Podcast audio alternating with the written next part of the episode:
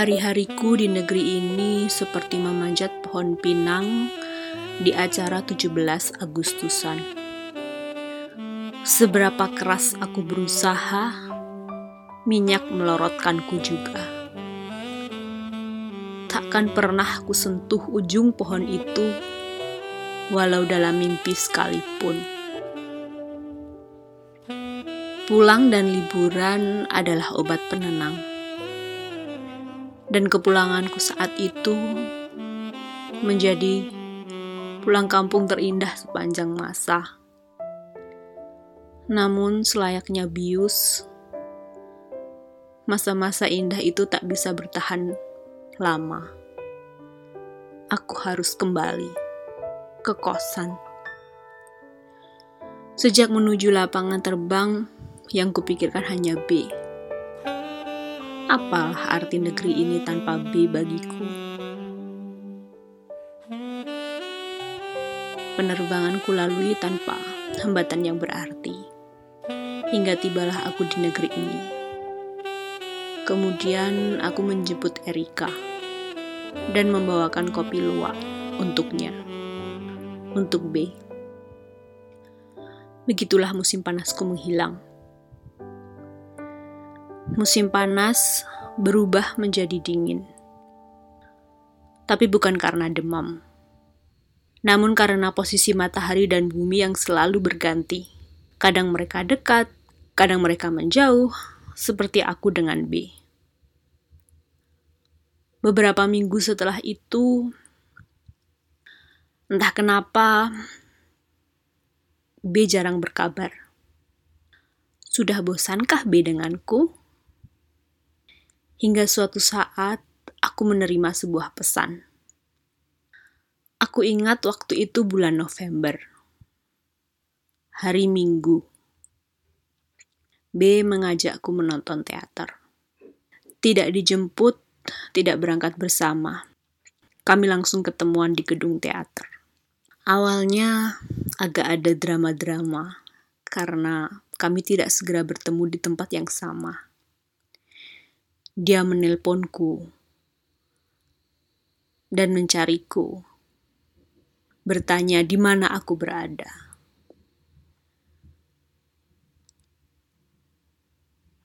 Hingga akhirnya kami bertemu di depan gedung teater.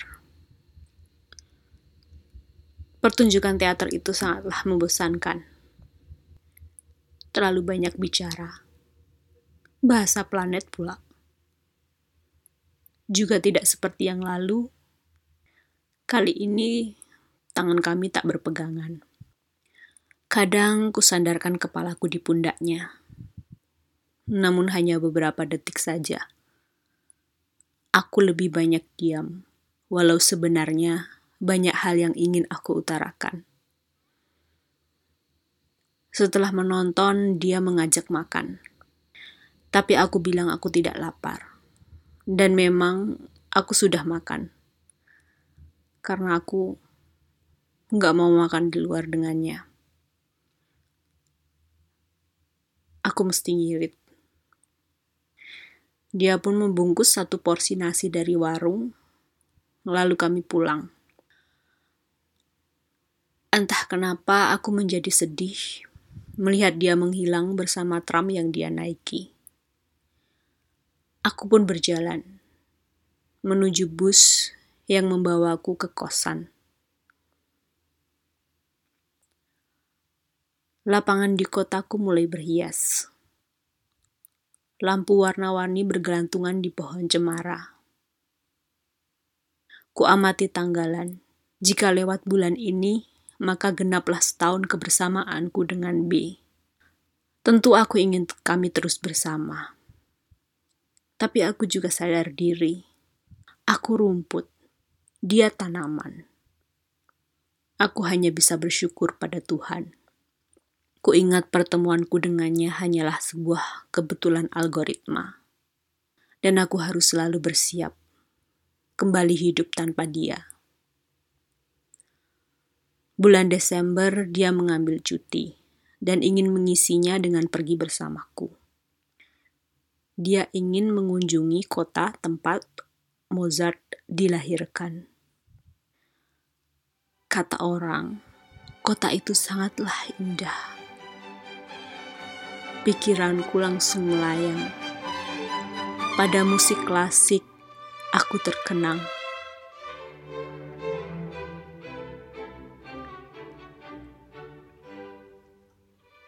Bersama B, salju, dan orang-orang bergaun indah dalam gedung-gedung masa lalu nan megah. Hari itu pun tiba. Hari libur yang telah dipersiapkan untuk kami berdua. Antara gugup atau kecewa, aku membaca pesannya. Aku tidak ingin ke kota Mozart teman kerja juga berlibur di sana.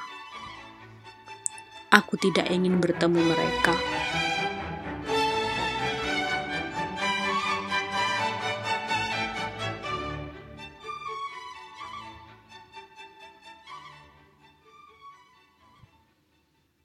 Belum rezekiku untuk melihat rumah Mozart bersamanya. Apakah dia malu karena bersamaku? aku pun tersadar. Hampir setahun bersamanya, dia bercerita tentang keluarga dan kawan-kawannya. Tapi tak satu pun aku memiliki kesempatan untuk menatap muka mereka. Akankah aku hanya aib baginya? Atau hanya sebuah bayangan? Atau sebuah angin yang cukup dia saja yang merasa dan tak perlu mewujud di depan keluarga dan kawan-kawannya. Setahun, kami telah setahun bersama. Dia berniat mengganti janjinya dengan mengajakku mendaki bukit atau ke pasar malam. Ke mana saja asal tidak ke rumah Mozart, katanya. Kami pun bertemu di tengah kota. Malam gelap dan dingin. Tapi dia ingin berjalan-jalan di luar. Dia bilang ingin memotret sebuah gereja. Aku pun berjalan membuntutinya. Kulihat dia sangat asik menyetel kamera. Aku merasa menjadi angin. Lalu tiba-tiba dia menemukan sebuah gedung yang aku tidak tahu apa. Tapi kami berhasil masuk ke dalamnya dan dia minta aku berdiri di bawah lampu di gedung itu dan menengokkan kepalaku ke samping. Hadap ke samping ya, aku ingin mengambil gambarmu, perintahnya. Dan itu untuk pertama kalinya dia mengambil gambarku. Begitulah satu malam itu berlalu. Malam berikutnya, kami bertemu di pasar malam. Kami makan di sebuah restoran Asia. Di sana, dia mulai bercerita.